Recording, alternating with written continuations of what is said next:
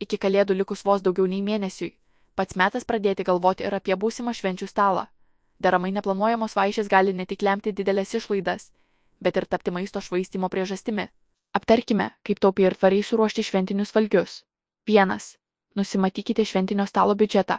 Norint išvengti pernelyg didelių išlaidų bei po šventinio finansinio nerimo, suplanuoti švenčių stalo biudžetą. Tiesiog būtina. Ypač, jei šventėms netaupėme ar nepirkome dovanų iš anksto. Jei kas mėnesį nesudarinėjate asmeninio ar šeimos biudžeto, gruodį pamėginkite tai padaryti.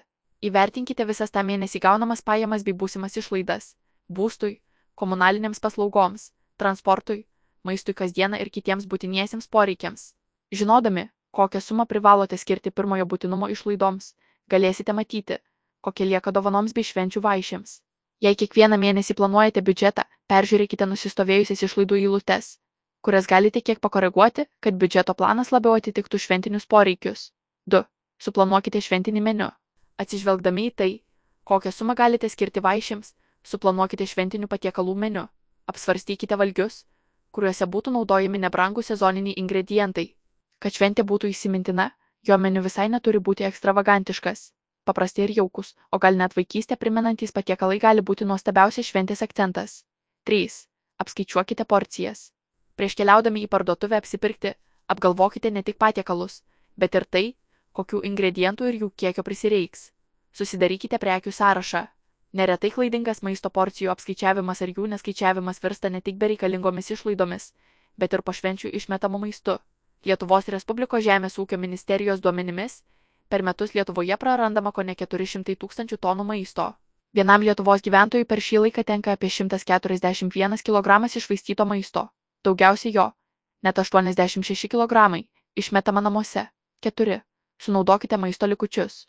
Kai jau turite švenčių biudžetą, meniu ir ingredientų sąrašą, neskubėkite į parduotuvę. Peržiūrėkite spinteles ir šaldytuvą. Tikėtina, kad dalį produktų savo patiekalams rasite namuose.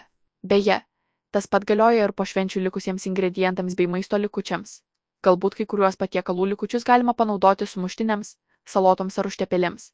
Jei nesate tikri, kaip galite panaudoti produktų ir patiekalų likučius, pamėginkite pasitelkti šio laikinės technologijas. Šiuo metu itin populiarus dirbtinio intelekto pokalbių robotas Hatpt, suvedus į teksto laukelį turimus ingredientus, gali pasiūlyti jums receptą. 5. Apsipirkite sumaniai. Ėjimas į parduotuvę su prekių sąrašu ir įvertinus porcijų dydį - ne vienintelis būdas sumaniai bei taupiai apsipirkti. Parduotuvėje atkreipkite dėmesį į akcijas ir nuolaidas. Tiesa, pamatę dvi prekes už vienos kainą, į krepšelį jas dėkite tuo atveju, jei abi tikrai sunaudosite iki pasibaigiant produktų galiojimo terminui.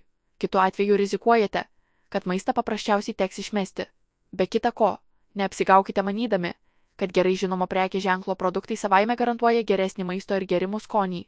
Parduotuvių privačių prekė ženklų produktai neretai būna ne tik pastebimai pigesni, bet ir panašios ar net geresnės kokybės. Šešiose. Vietoje papildomos skanėsto. Šventės Gerumo metas, tačiau ne visi jie sutinka su pakilia nuotaika ir galimybė suruošti švenčių stalą. Kai prie šventinių laikotarpių apsipirkinėsite parduotuvėje, pagalvokite, galbūt vietoje kelių desertų dalį pinigų galite paukoti arba nupirkti maisto ir perduoti jį maisto banko savanoriams. Taip jūsų šventės taps dar prasmingesnės, o kažkam - sotesnės ir bent truputį šviesesnės.